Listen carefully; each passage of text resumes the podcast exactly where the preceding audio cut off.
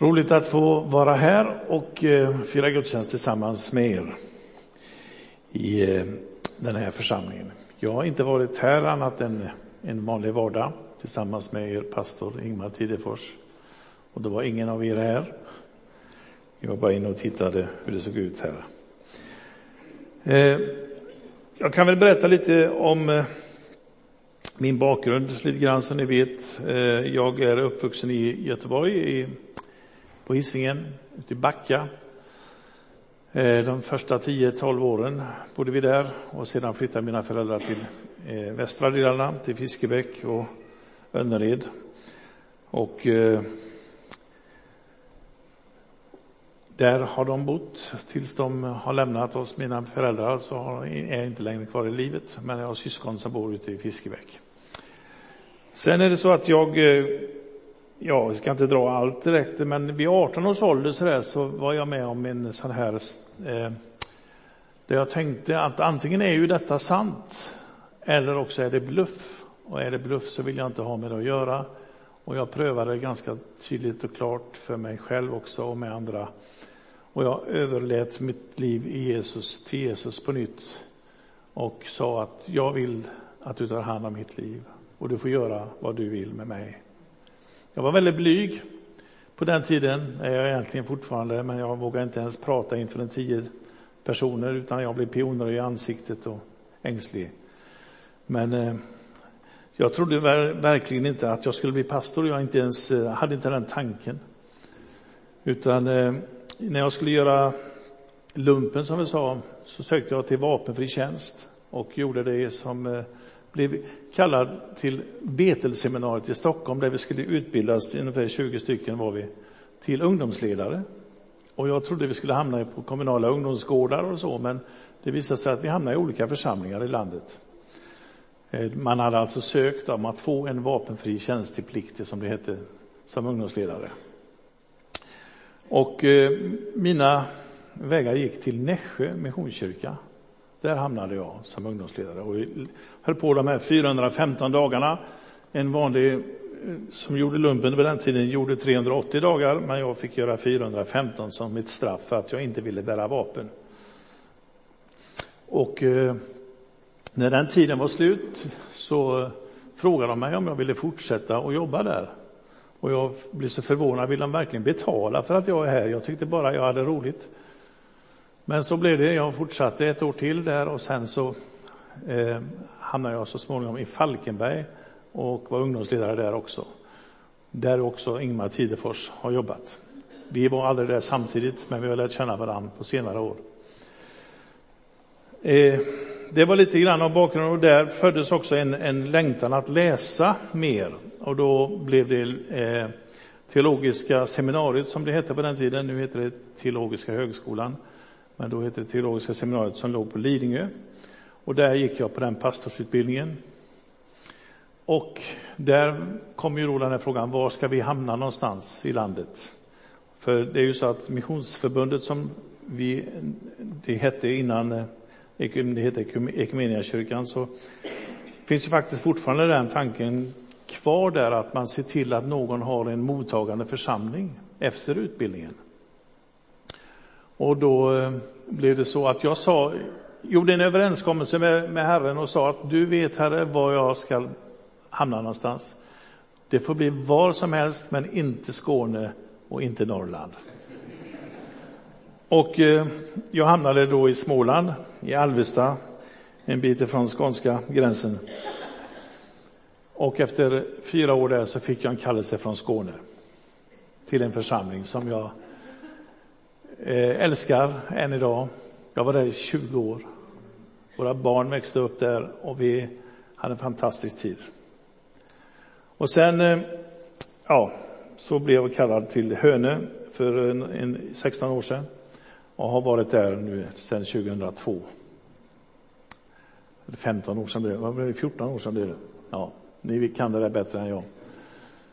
I alla fall så blev det så och eh, eh, när jag kom till Hönö så sa jag till dem i församlingen, ni ska veta en sak som alltid kommer sist på min prioriteringslista, som jag aldrig riktigt hinner med, som jag skulle vilja. Och det är sjukbesök och hembesök.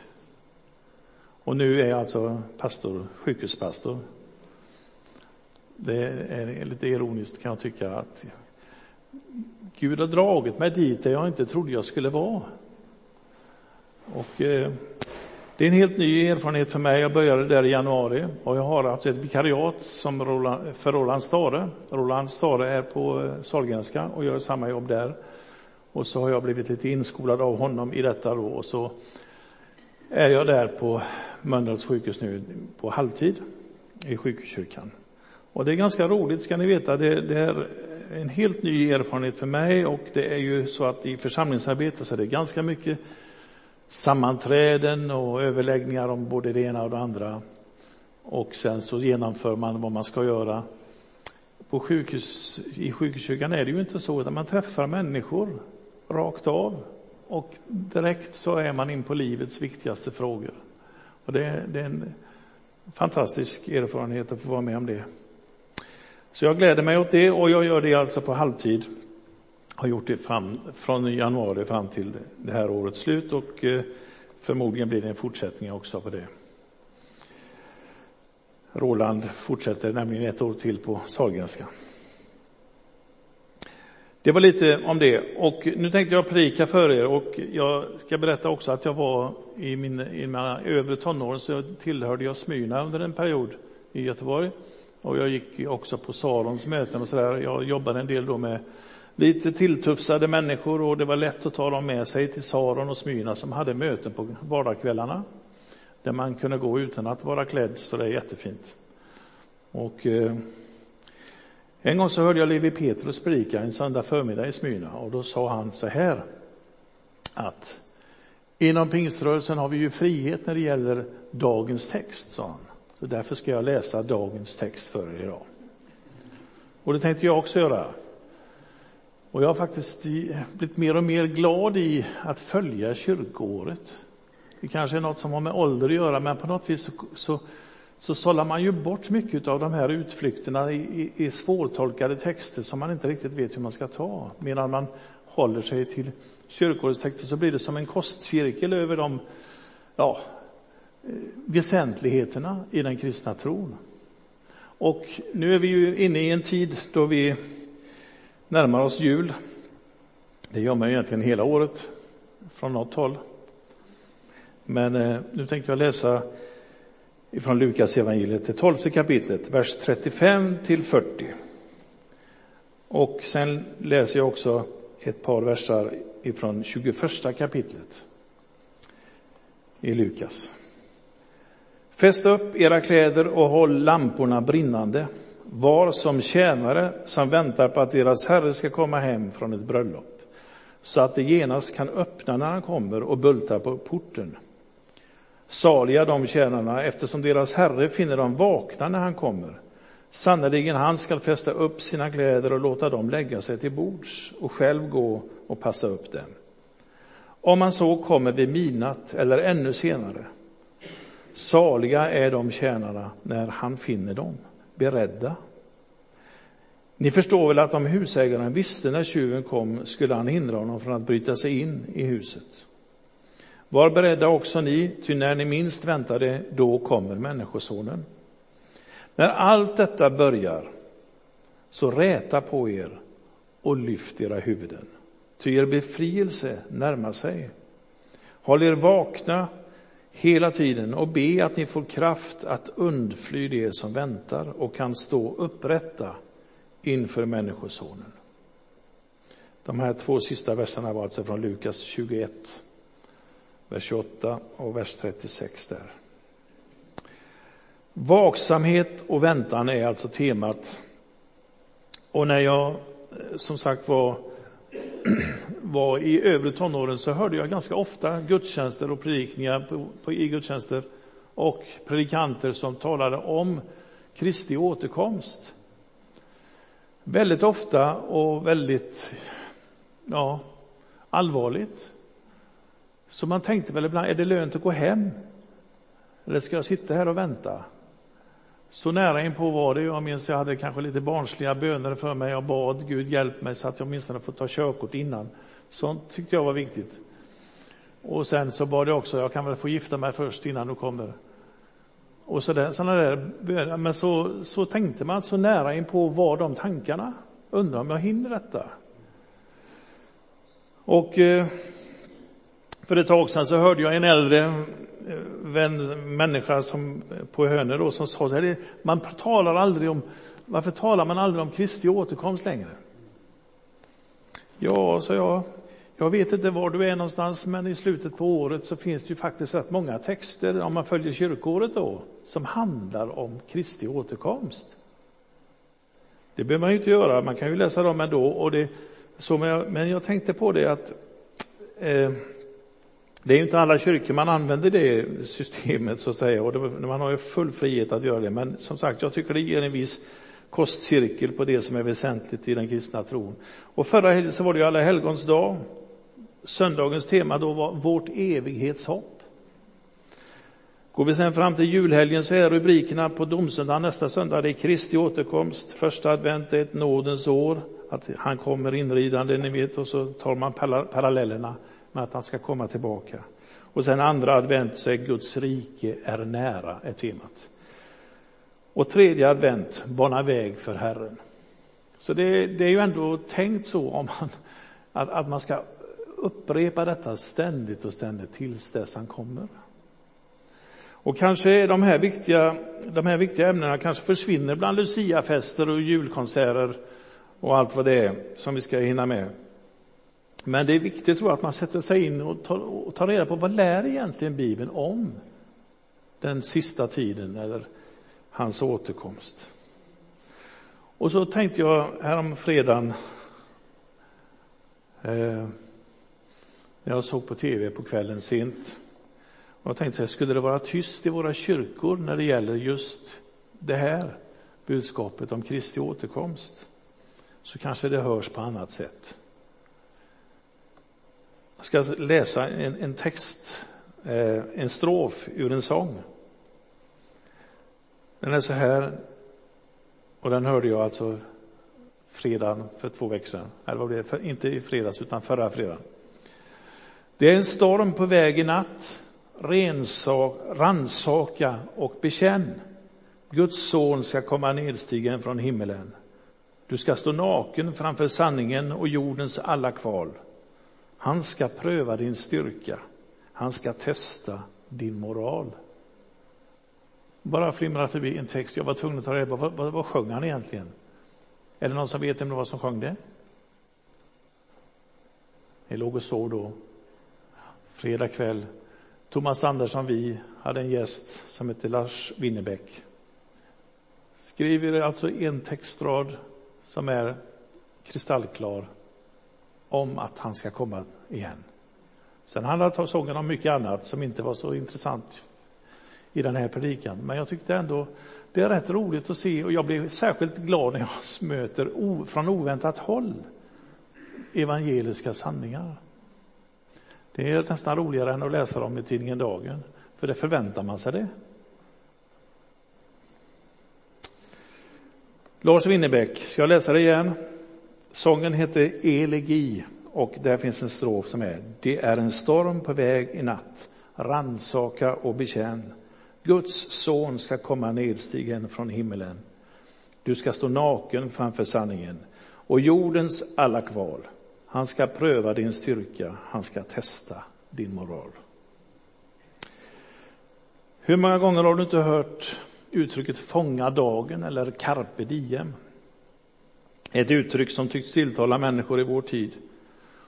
Och den som säger sig vilja fånga dagen kan ju mena olika saker. Det kan stå för en önskan att leva i nuet.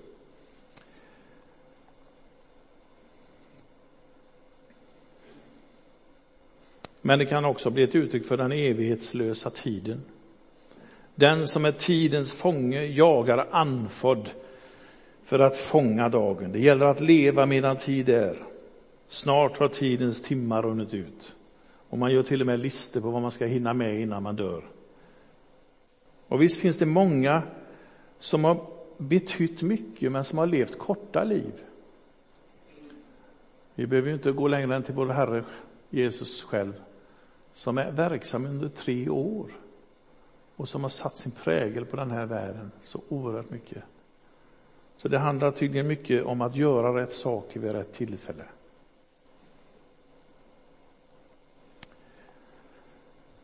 När tiden uppfattas som ett timglas som obönhörligt rinner ut så blir det genast bråttom. Det gäller att vinna tid. Hur gör man det?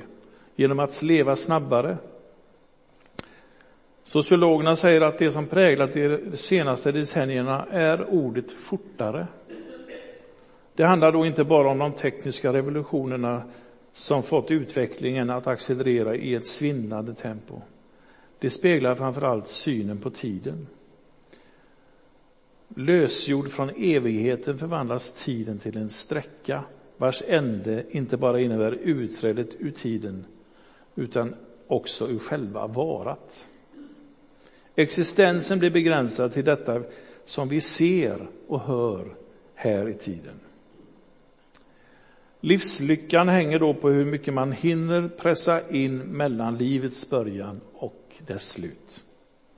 Dagarna i almanackan blir en hjärtskärande påminnelse om att allt försvinner. Man kan ju läsa Jesu tal om tidens ände på många sätt. För författare och filmmakare, för att inte tala om predikanter, så har det gett stoff till ödesmättade domedagsskildringar, ångestladdade framtidsscenarier. Den som inte gör sig besväret att läsa mer än bibeltextens yta så blir ganska farlig, till och med i predikstolen. Jag vet inte hur många av er som har suttit och pratat med upprörda, livrädda tonåringar som har sett en film om att Jesus har återkommit. Ni känner igen dem? Left behind och vad de heter. Alltså där man blir, får, får panik över att man har blivit lämnad ensam och alla andra är borta. Och Jesus som så tydligt gång på gång och Bibelns budskap hela tiden, var inte rädda. Det finns 356 tror jag sådana ställen i Bibeln. Ett för varje dag under året. Var inte rädd. Varenda gång en ängel säger någonting, var inte rädd. Frukta inte, stod det ju ofta i den förra översättningen.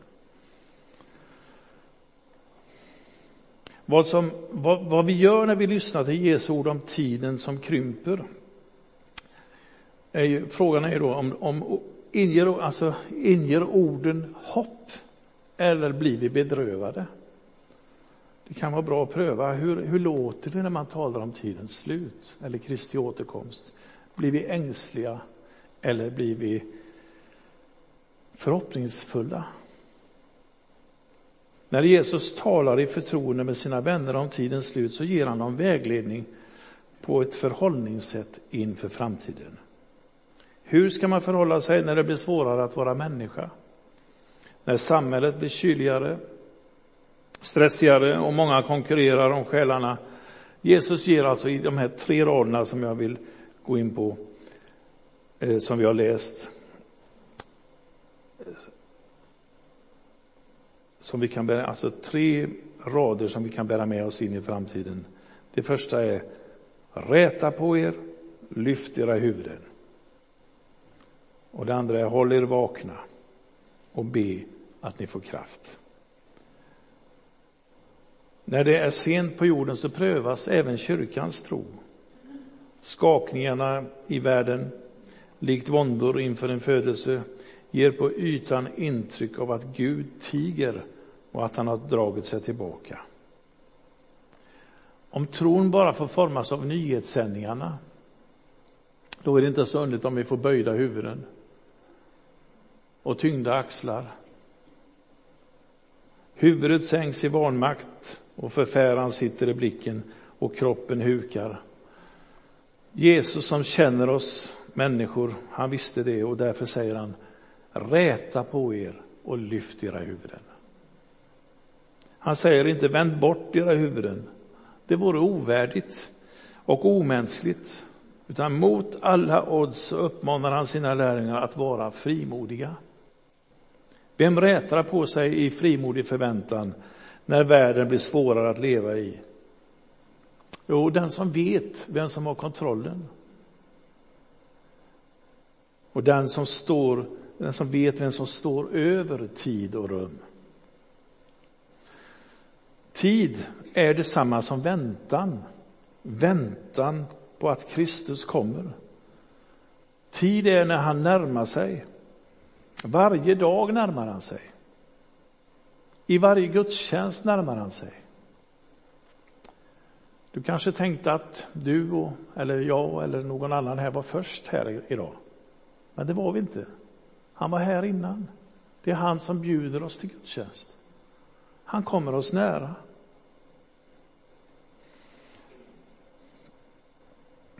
Lyft din blick och se, han som kom in i världen som ett barn kommer idag emot dig som en vän. Han skall komma för att döma världen i nåd och sanning. Vi tänker ibland att dom låter så tungt. Men tänk efter lite. Tänk dig den som är oskyldigt dömd. Den som någon har trampat på men som aldrig har fått upprättelse. Vilken underbar befrielse att det ska komma en dag då allt prövas. Och det är han som ska döma. Han som är fylld av nåd och sanning. Vi tror på den Gud som inte har lämnat historien åt sitt öde. När Gud avslöjar sig vid tidens slut så säger skriften varje öga ska se honom. Kyrkan finns inte i världen för några få utan för att alla ska se honom redan innan han kommer för att upprätta allt. Därför finns det en djupare innebörd i att lyfta sitt huvud. Det gäller att leva i världen med öppna ögon för att se människorna, de som lever utan hopp och föra dem till källorna. Han som kommer vid tidens slut till sin kyrka överallt där hon samlas i hans namn. Överallt där ordet förkunnas, där brödet och vinet delas, där firas gudstjänsten. Inte med nedsänkt huvud, utan med upprätt. Där vet man att världen inte går mot sin undergång, utan till sin upprättelse. Kristus kommer. Räta på er och lyft era huvuden. Det andra jag ville lyfta var håll er vakna. Här finns också allvarliga ord som Jesus säger och det är håll er vakna. Även den kristne blir trött när allt går fort och visionerna slocknar och rusningen av att hinna med allt man tror att man måste. Och här kommer också den allvarliga uppmaningen som den enda raka medicinen. Vaka och bed. Det är en maning att kränga sig av. En del av packningen som gör vandraren trött och dåsig. Det är ibland nödvändigt att se över sitt liv. Vad är viktigt? Behöver jag göra allt jag gör? Ska jag ändra på något? Att se över och prioritera sådant som ger en större hängivenhet, en inre resning och en fördjupad överlåtelse måste väl vara mycket viktigare än mycket annat vi gör. Håll er vakna och be att ni får kraft. Bön om kraft. Helig ande är given och den är tänkt till den som behöver. Anden var inte reserverad till de första kristna, till den första kristna församlingen, den framväxande kyrkan. Den är i allra högsta grad relevant för den tid som är nu. Ni skall få kraft när den helige ande kommer över er, sa Jesus. Och så hörde vi inledningsordet idag. Undersök själva om ni har tro. Pröva er själva. Märker ni inte att Kristus Jesus finns hos er? Och sen, jag ber till Gud att ni inte ska göra något som är ont, inte för att jag ska visa mig hålla måttet, utan för att ni ska göra det som är gott, säger Paulus. Låt denna tid på året få bli en tid då vi prövar oss själva. När vi ber, låt ditt rike komma. Så låt det redan nu prägla våra egna liv. Så kan det stora som vi vakar och väntar på göra våra personligheter delaktiga i det som kommer. Räta på er, lyft era huvuden, håll er vakna. Be att ni får kraft. Kom, Herre Jesus. Amen. Vi ber. Herre, låt ditt ord få ingång i våra liv och göra i oss det som du har tänkt. Gör oss beredda att pröva våra liv här och nu och att leva i förvissningen av att du kommer att upprätta ditt rike. Gör det tydligt i våra egna liv och gör oss beredda också i, vår, i församlingens liv och i det samhälle vi lever att hålla vårt huvud högt och hålla oss vakna och att vi får bli fyllda med din kraft. Amen.